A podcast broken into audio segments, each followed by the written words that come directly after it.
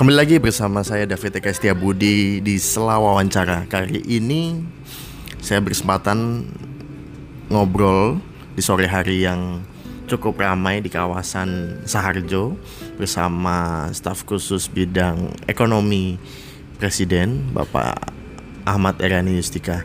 Selamat sore Pak. Selamat sore Mas David. Mana kabarnya? Sehat Pak. Terima kasih Pak. Sehat-sehat. Udah memberikan waktu luangnya Pak di Sama-sama. sore ini. Pak Erani, apa kesibukan Bapak di masa transisi ini Pak? Awal-awalnya Pak. Sebetulnya masih seperti biasa saja karena Presiden juga sampai hari ini tidak ada perbedaan apa pun dengan dibanding misalnya satu bulan setahun yang lalu dan set- eh, atau sebelumnya masih terus menjaga ritme pekerjaan sesuai dengan yang biasanya. Tidak ada sedikit pun misalnya mengendurkan aktivitas sehari-hari juga tidak ada. Kami pun juga terus me- menjalankan tugas-tugas yang diberikan beliau secara langsung maupun mengamati tentang perkembangan ekonomi dan melakukan kajian-kajian yang memungkinkan untuk bisa diberikan presiden sebagai eh, landasan untuk mengambil keputusan atau setidaknya mengetahui bagaimana perkembangan ekonomi saat ini. Hmm, gitu. Tapi eh, ada isu-isu mengenai hari ini apa Pak yang menjadi concern pemerintah Pak dalam artian eh, isu resesi lalu isu eh, APBN 2020 itu mana yang menjadi concern mungkin presiden lewat Bapak apa yang yang yang menjadi Memang banyak sekali ya. Jadi kalau di dalam konteks untuk mengakhiri periode tahun 2014-2019 ini sedang dilakukan evaluasi secara menyeluruh tentang capaian-capaian maupun target-target pembangunan khususnya di bidang ekonomi selama lima tahun ini. Dan nanti itu akan dipaparkan dalam rapat kabinet. Ya, di luar itu tentu juga eh, pemerintah dalam hal ini juga presiden melihat situasi perkembangan ekonomi global maupun nasional. Adanya situasi misalnya perlambatan ekonomi di global juga dibahas dan berulang kali itu. Sekarang yang paling menjadi titik tekan dari presiden adalah menyiapkan serangkaian paket reformasi oke. Di bidang ekonomi khususnya investasi untuk memastikan agar Indonesia bisa memanfaatkan peluang-peluang ekonomi yang lebih sigap lagi pada periode beliau yang kedua. Jadi ketika nanti beliau tanggal 20 Oktober dilantik dan ada kabinet baru yang akan membantu beliau maka keseluruhan infrastruktur kebijakan dalam wujud paket reformasi ekonomi dan investasi tadi itu sudah ada. oh gitu Ini yang sedang digodok dan saya kira upaya itu yang mendapatkan prioritas saat ini dari presiden. Gitu.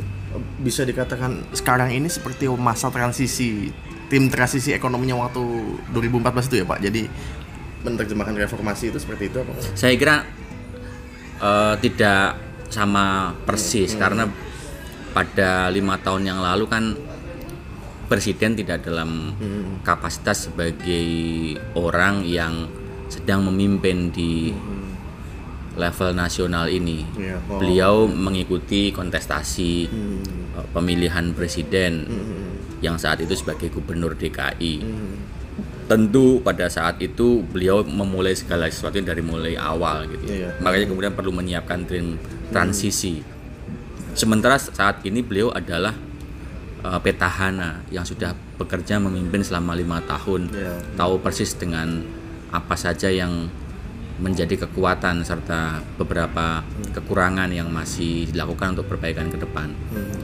Sekarang yang terjadi sebetulnya eh, hanya kabinet itu diminta mengerjakan beberapa hal kunci sebagai infrastruktur eh, pemerintahan yang akan datang.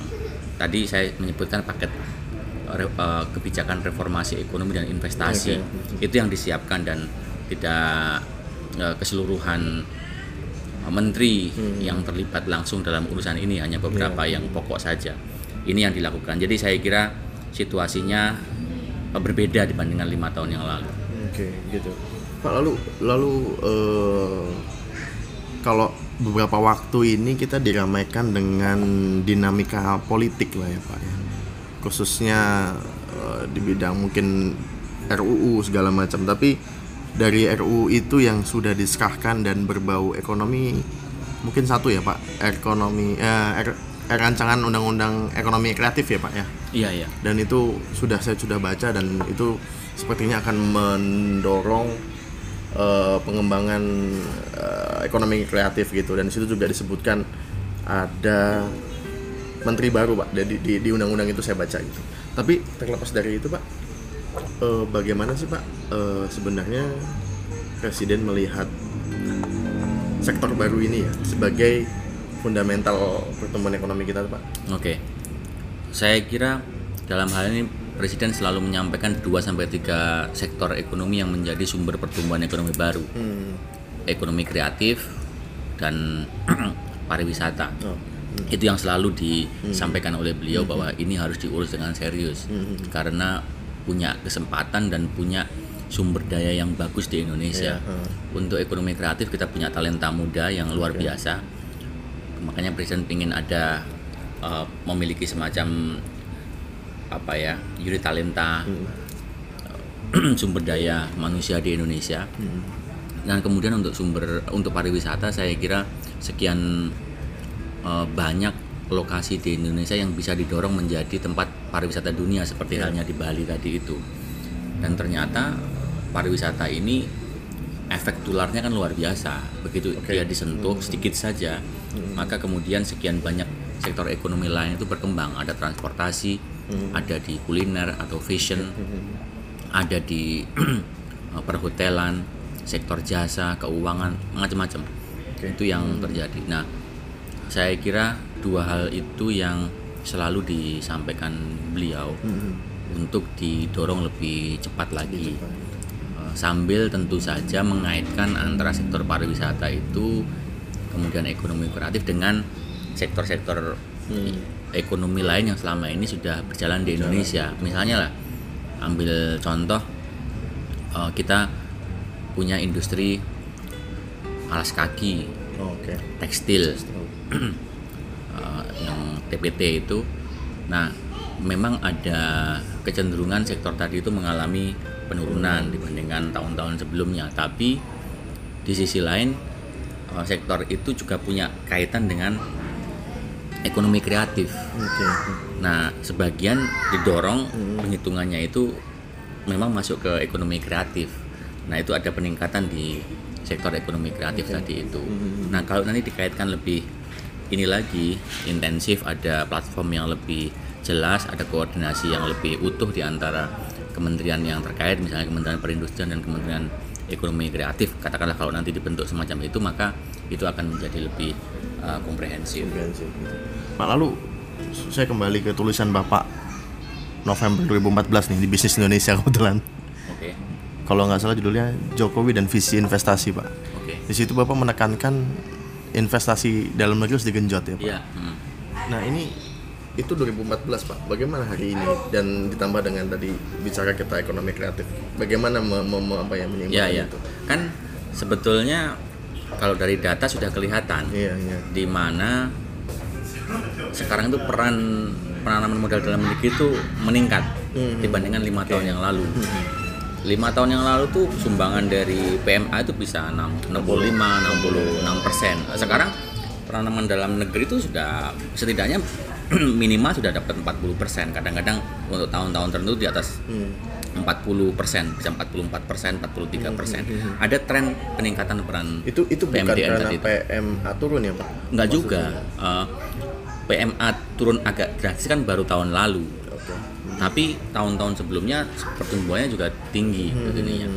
Dan tren tadi sudah terjadi sejak tahun 2015 dan seterusnya. Sehingga saya merasa bahwa tulisan tahun 2014 tadi itu menggarisbawahi bahwa sebetulnya dengan sekian banyak peranata yang disiapkan oleh pemerintah, misalnya pembangunan infrastruktur, itu membuat pelaku ekonomi domestik pun mulai memanfaatkan kesempatan tadi itu. Nah, tapi ke depan saya kira misalnya BKPM atau pemerintah secara keseluruhan perlu bekerja lebih keras lagi untuk memfasilitasi pelaku ekonomi domestik tadi itu. Terutama dalam isu-isu yang saya kira selama ini banyak disuarakan oleh uh, pelaku ekonomi dalam negeri. Misalnya mereka merasa bahwa ada kebijakan dari pemerintah yang uh, perlu dipikirkan secara masak-masak terkait membuka sektor ekonomi tertentu uh, bahan baku misalnya di untuk tekstil. Nah itu bisa ditelaah kembali agar mereka punya ruang yang memadai. Ekonomi kreatif juga begitu ekosistemnya sudah dibikin oleh pemerintah. Tapi mereka sebagian memohon jangan dibuka terlalu lebar terlebih dahulu disiapkan dulu pelaku ekonomi lo- lokal itu memiliki penguasaan yang memadai terhadap sektor tersebut. Jika sudah kuat bolehlah dibuka ini. Nah itu permintaan-permintaan yang saya kira perlu disikapi dengan eh, memadai oleh pemerintah. Hmm.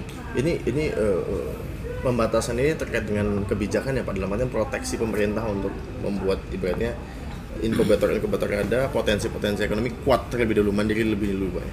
keterbukaan ekonomi itu sesuatu yang memang uh, su- sulit atau bahkan keniscayaan Iya. yang harus di sini tapi uh, pemerintah kan punya tanggung jawab untuk mengenali bagaimana struktur ekonomi maupun pelaku ekonomi domestik kewajiban pemerintah adalah memastikan agar prioritas pengembangan itu adalah pelaku ekonomi domestik Iya. Nah baru kemudian eh, jika ada hal-hal yang eh, masih kurang dan dibutuhkan dari luar negeri, maka baik komoditas maupun pelaku ekonomi itu bisa melakukan di sini.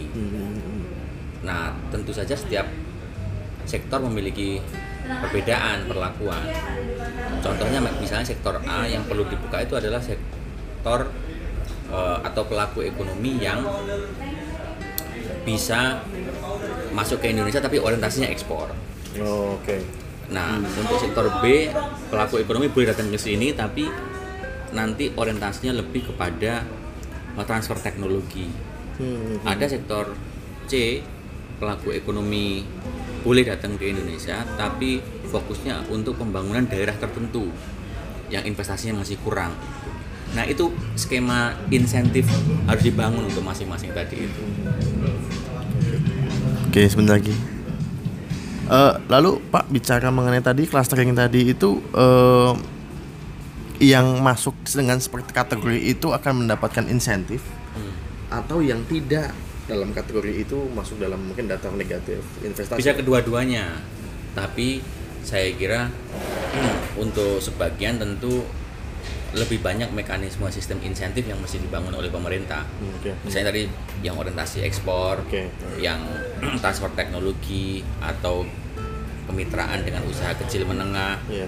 atau fokus kepada daerah yang selama ini masih belum berkembang gitu ya sistem insentifnya yang, di- yang dibangun Hmm. Uh, secara secara uh, konseptual sebetulnya bukan sesuatu yang baru ininya karena Kementerian Keuangan misalnya sudah mendesain tax holiday, Hmm. uh, tax allow- allowance dan seterusnya ya untuk melakukan itu. Cuma barangkali ke depan perlu lebih dipertajam Oke. uh, semacam itu. Lalu soal pertajam Pak, ini mungkin saya merecall 16 paket kebijakan ya Pak. Mungkin juga eh, tadi prolog Pak Bapak sejauh ini pemerintah belum melakukan evaluasi tetapi publik melihat bahwa karena kebijakan itu terkesan terburu-buru sehingga tidak implementasinya belum jalan tuh Pak. Nah, apakah itu ke depan akan dipertajam atau paket kebijakan ini mau diapakan Pak? Oke, jadi 16 paket eh, kebijakan ekonomi itu kan bagian dari cara pemerintah untuk merespon kebutuhan-kebutuhan real yang terjadi pada saat itu. Pemerintah berinteraksi dengan dunia dunia usaha, pemerintah berinteraksi dengan sekian banyak eh, kebutuhan-kebutuhan real yang harus dihadapi sewaktu-waktu ya. Nah, kemudian itu baru diolah menjadi sebuah kebijakan. Oke.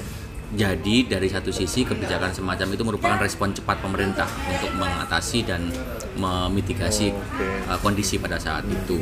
Nah tentu saja hari ini kebijakan semacam itu mesti harus dicek kembali. Saya saya beri contoh misalnya paket kebijakan yang terakhir deh, yang 16. Itu kan isinya eh, terkait dengan eh, pemerintah membuka untuk sektor tertentu bagi pelaku ekonomi dari luar negeri. Oke. Nah, kemudian ada respon dari pelaku ekonomi domestik bahwa itu sebaiknya tidak dibuka, tidak dilakukan. Nah, sekarang dievaluasi seperti apa kebijakan tadi itu. Oke. Di luar itu, kebijakan eh, paket kebijakan nomor 16 itu juga bicara mengenai eh, kewajiban setiap transaksi untuk ekspor terutama dari sumber daya alam maupun perkebunan itu uangnya harus ada penempatan di dalam negeri Iya. tidak bisa ditaruh di luar negeri itu kan kebijakan yang bagus sekali Iya. untuk banyak kepentingan nah sampai sekarang mesti dicek Iya. apakah ada perubahan-perubahan setelah muncul kebijakan tadi itu. Iya. secara konsepsi bagus ininya tapi harus dicek. Ya, ap- implementasi. apakah itu berjalan dalam implementasinya itu. Nah itu. Nah ke depan saya kira di luar evaluasi adalah sebagai suatu sebuah pembelajaran rasanya memang pemerintah tidak perlu terlalu banyak mengeluarkan paket kebijakan karena itu akan membuat sinyal yang tidak menunjukkan dari pelaku ekonomi tentang fokus yang dibangun oleh pemerintah. Nah makanya pem- pemerintah sekarang membuat saya sebut saja paket kebijakan ekonomi jilid kedua deh yang dilakukan oleh pemerintah untuk periode yang kedua ini. ya. Uh, paket kebijakan reformasi ekonomi dan investasi ini uh, satu saja, kemudian besar-besaran dan nanti memiliki dampak yang juga luar biasa di lapangan. Hmm. Nah dengan begitu maka kelihatan sekali pemerintah fokus, Oke. sinyal pasar menjadi jelas Mhm. dan kemudian lebih mudah bagi pemerintah untuk mengeksekusi kebijakan tadi itu Oke. karena hanya fokus pada bidang tadi itu. Yang dalam artian jilid kedua tidak terlalu banyak itu yang tadi hasil evaluasi tadi atau mungkin ada hal-hal baru yang mungkin ditangkap tidak dengan uh, part-part tapi lebih mencakup banyak sektor usaha pak maksudnya Jadi gini, eh, ada dua sih, ada dua sumber lah. Iya. Yang pertama evaluasi. Hmm. Evaluasi itu pastilah karena pemerintah sudah mengerjakan banyak hal selama lima Hmm. tahun ini. Hmm. Ada yang bisa dikatakan hasilnya sangat bagus, eh, cukup, atau ada yang kurang. Hmm. Nah dari hal-hal semacam itu maka evaluasi itu menjadi sumber perbaikan. Hmm. Nah yang kedua saya kira adalah yang pokok eh, pada saatnya nanti apa yang dilakukan oleh pemerintah yang akan datang itu kan harus lebih bagus. Hmm. dibandingkan yang sebelumnya. Hmm. Nah, oleh karenanya eh, ada kebutuhan bagi pemerintah untuk masuk yang kedua tadi itu bahwa di luar evaluasi yang dibutuhkan adalah proyeksi ke depan tentang apa saja yang menjadi sumber utama potensi maupun sumbatan ekonomi. Oh, Oke. Mhm. Nah, eh, presiden sudah bisa membacanya dengan sangat bagus banget. Ada problem misalnya infrastruktur sudah dibangun, tetapi masih ada beberapa sumbatan dan itu salah satunya dalam konteks investasi perizinan. Oke. Nah, di situ mau diperbaiki dan sumbernya antara lain dari regulasi yang terlalu banyak, Iya, iya. ada yang tumpang tindih dan seterusnya. Nah, itu yang mau Hmm. diatur kembali lah Mhm. saya kira pada dua dimensi tadi itu evaluasi dan proyeksi tadi itu ke depan Mhm. menjadi bahan baku untuk membuat paket kebijakan ekonomi dan investasi jilid kedua. Dalam suatu kesempatan presiden mungkin kalau secara umum ingin menginginkan tata kelola dan sistem ya pak ya sistem yang lebih eh, baik gitu. Nah untuk ekonomi mungkin tadi bapak sudah menyinggung kira-kira selain panjangnya kebijakan pak apa sih yang sebenarnya penghambat dalam artian sisi internal pemerintah sendiri sehingga eh, bahasanya investor tuh wait and see ya pak ya. Ya, gini eh, dalam banyak kesempatan kan beliau menyampaikan eh, bahwa segala sesuatu itu harus dibingkai dengan fokus, kemudian dieksekusi dengan cepat, dan setelah itu dimonitoring dengan sikap tadi itu tiga hal itu yang dikerjakan. Iya, iya. Selalu diminta diulang-ulang. Makanya presiden dalam beberapa hal kan mau masuk sampai ke detail tadi itu Iya, untuk iya. memastikan agar segala sesuatu itu bisa dikelola dengan tiga dimensi tadi itu. Hmm. Eh, saya kira presiden dalam banyak hal cukup eh, puas dengan apa yang sudah dicapai ini. Nah, tapi ke depan dia ingin lebih cepat lagi. Oke. Karena negara lain itu berlari bukan sekedar berjalan. Makanya eh, kenapa ada negara yang lebih kecil dibandingkan Indonesia seperti Vietnam sumber daya manusia maupun sumber daya ekonomi lain sumber daya alam nggak sebanyak Indonesia tapi dia bisa meluncur lebih cepat tadi itu. Karena mereka bisa mengambil pilihan-pilihan yang fokus kemudian eksekusinya cepat dan semuanya dikontrol dengan sikap tadi itu. Itu yang dibutuhkan ke depan. Makanya selalu diwanti-wanti oleh oleh presiden kepada para menteri itu ayo berani untuk mengambil keputusan tentang fokus tadi itu presiden sudah sudah me- mempraktekkan itu pada saat misalnya menyusun APBN dari sejak awal Oke. dia mau fokus ke infrastruktur mau fokus kepada isu terkait fungsi-fungsi ekonomi Hmm. pendidikan kesehatan atau eh, jaminan sosial udah itu dikawal betul sampai sekarang Bicara APBN, Pak. Tiga tahun kan tidak ada APBNP ya, Pak. Hmm. Apakah itu isyarat atau memang presiden suka model yang tidak ada revisi di tengah jalan, Pak? Satu kita melihat bahwa memang tidak ada eh, deviasi yang terlalu besar antara perencanaan dengan realisasi. Betul memang tidak sama, tapi sudah jauh lebih bagus dibandingkan sebelumnya. Oke. Kalau dulu deviasi misalnya target pertumbuhan ekonomi itu kan bisa sampai satu persen, bahkan 1,2 persen. Sekarang 0,1, 0,2 persen. Eh, perbedaan antara antara RAPBN dengan realisasinya.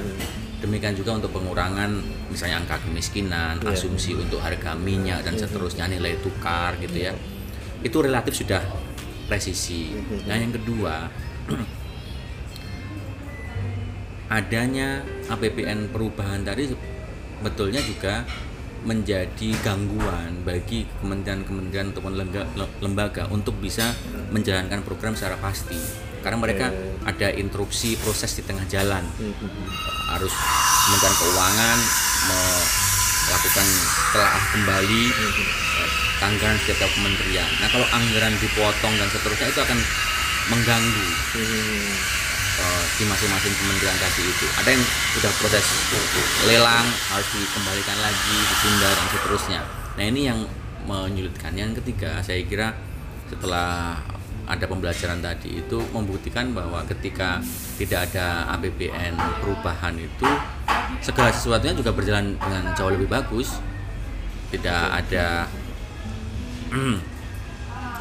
eh, misalnya pergeseran yang besar Iya. antara target dengan realisasi menjamin bahwa apa yang direncanakan itu justru bisa lebih dekat dengan kenyataan.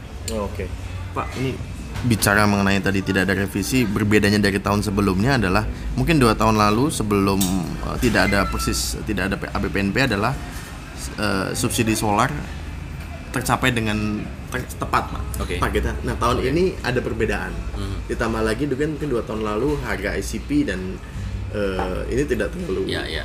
mengganggu. Nah sekarang sudah ada jarak yang begitu antara BBM dan harga non subsidi dan non subsidi.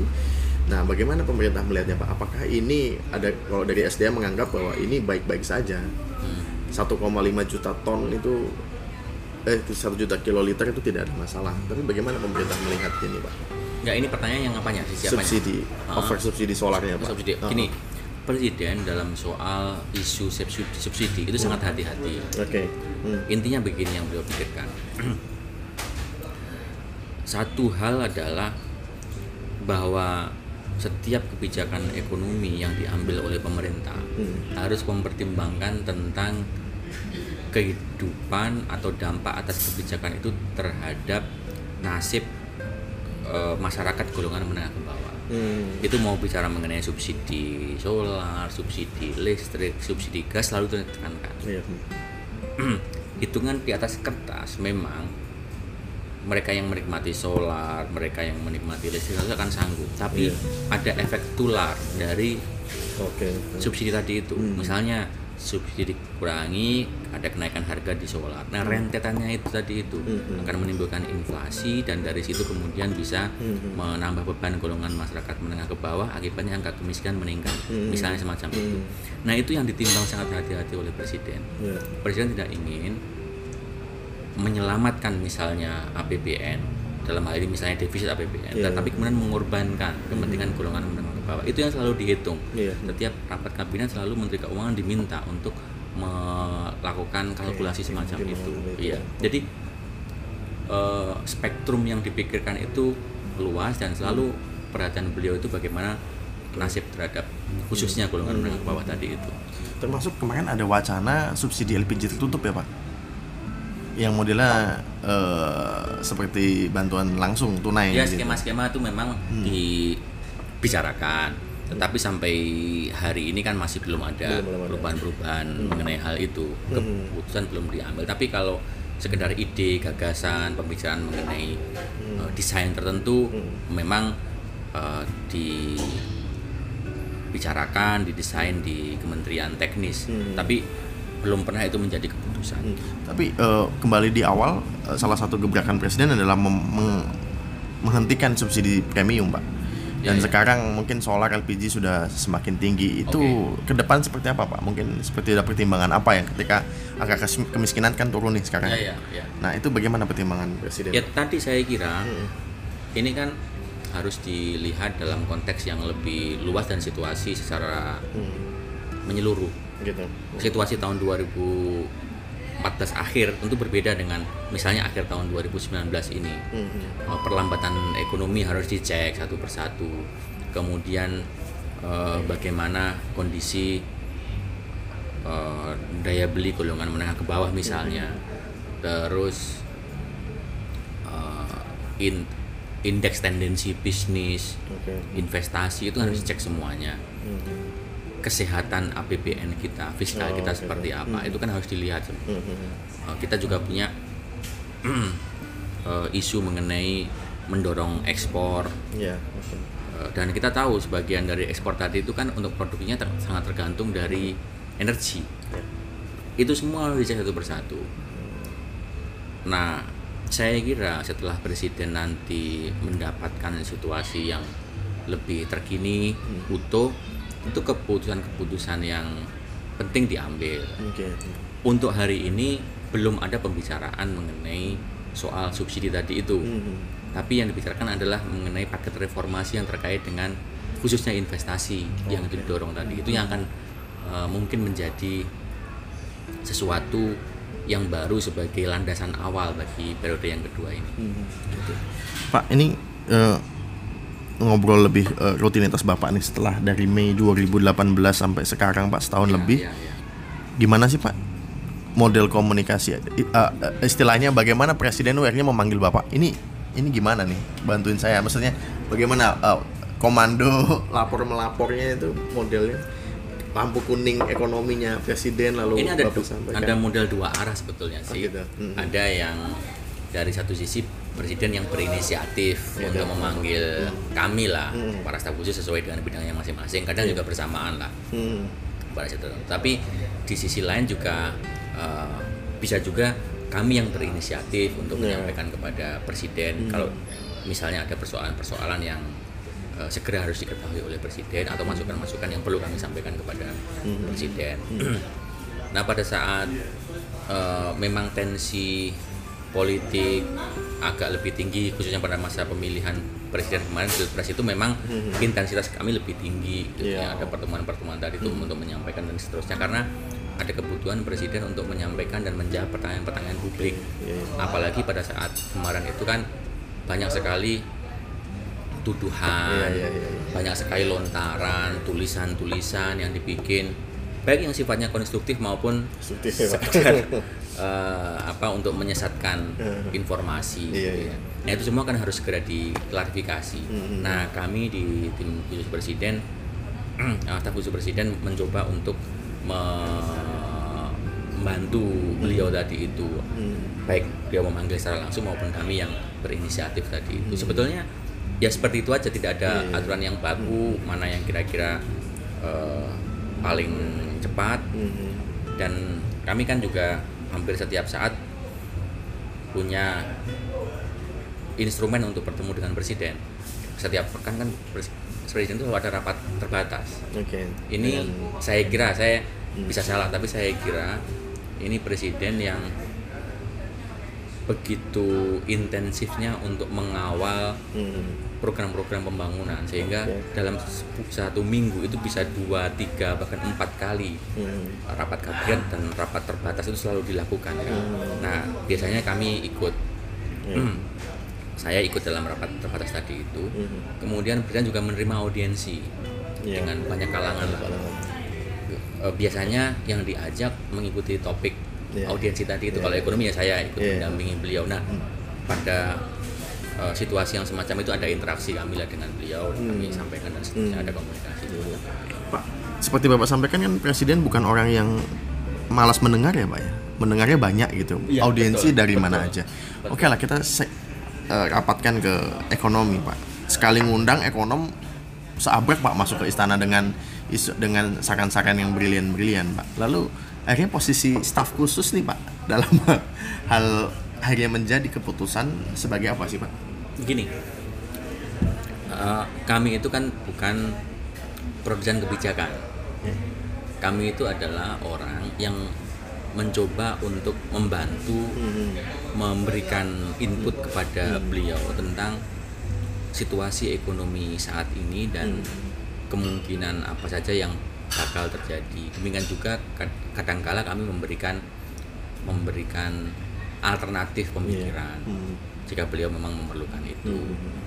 Nah, pada ujungnya seluruh masukan dari kami itu kan akan dibicarakan oleh presiden dengan para menteri. Iya. Karena bagaimanapun yang menjadi produsen kebijakan itu adalah presiden dan para menterinya tadi itu. Mereka yang mengeluarkan Hmm. keputusan. Nah, jadi mm, kami dalam hal ini sebagai staf khusus tidak tidak masuk dalam uh, pengambilan keputusan tadi itu bahwa kami kadang diminta untuk memberikan masukan Hmm. atau kami memberikan mem- melakukan inisiatif untuk memberikan masukan tadi itu iya. Hmm. Nah selebihnya itu akan menjadi ruang bagi presiden maupun uh, para pembantunya tadi itu untuk